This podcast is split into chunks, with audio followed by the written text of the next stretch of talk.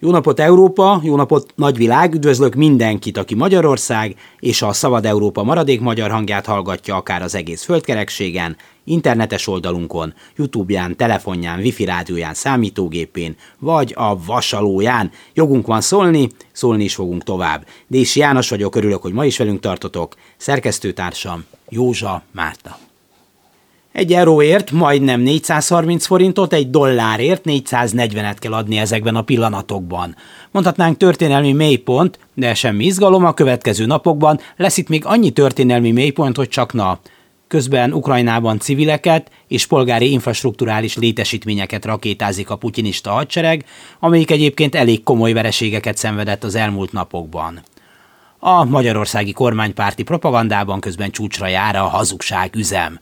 Az átoperálandó óvodás már semmi. A sátrakba költöző dánok története azért viccesebb, bár megjegyzem, hogy az 50-es évek nyugatellenes sajtója ennél azért mégis a eredetibb volt. Egyre több ember költözik ki lakásából, kertesházából Dániában, mert nem tudják kifizetni az extrém drága rezsiszámláikat. Vészmegoldásként kempingekbe költöznek. Közben pedagógusok egy elszánt csoportja próbálja kivívni a tanszabadságot, amelynek elengedhetetlen feltétele, hogy legyen tisztes tanár az iskolában.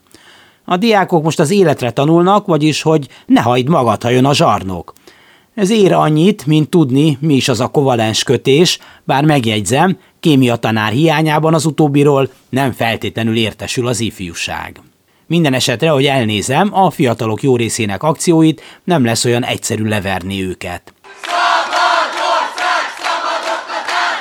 Igaz, ehhez az is kell, hogy a ma még óvatos tanárok felismerjék, nem csak a kukások fontosak egy társadalomban, hanem ők is.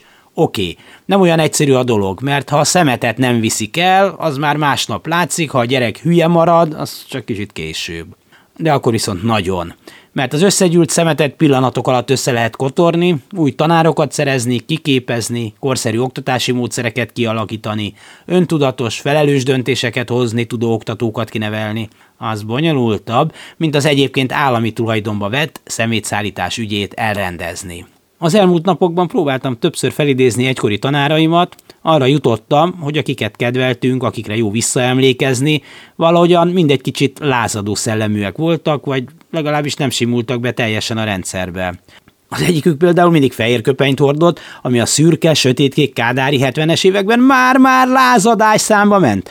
A másikuk vörös szakállat növesztett, a harmadikuk óra alatt felugrott az íróasztalra, és onnan magyarázott tovább, majd egy kecses piruettel leugrott onnan felidéző, hogy egykor világbajnok ejtőernyős volt. Lehetett mit tanulni tőlük. Aztán ők, vagy most már csak a hozzá hasonló utódaik azok, akik felhagynak a reménytelennek gondolt küzdelemmel, és más pálya után néznek, Maradtak azok a Zsuzsi nénik és Lajos bácsik, akikről csak annyit tudok felidézni, hogy szépen be kellett kötni kékbe a füzetet, a pacsor felelős mindig jelentett, volt osztályvigyáz, rossz tanulók megalázása, és százszor leírom, hogy Valóban, mitől maradtak volna nagy tömegben határozott, egyéni véleménnyel rendelkező karakán szereplők az oktatásban? Maradtak persze, szakmai kivégzésük éppen ezekben a napokban folyik.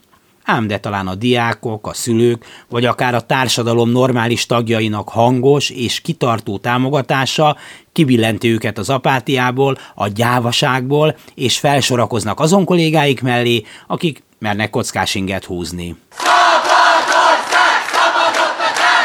Gutman, Sipulus csörgőkígyója mindenkitől félt, ugyanis a hallása csak másfél méterre terjed, és nem hallotta a saját farkának a csörgését, ugyanis ő két méter hosszúra nőtt. Így elhitte, hogy ő csak egy gyíkocska. Aztán valaki megfogta a farkát, és oda tette a füle mellé, és megrázta.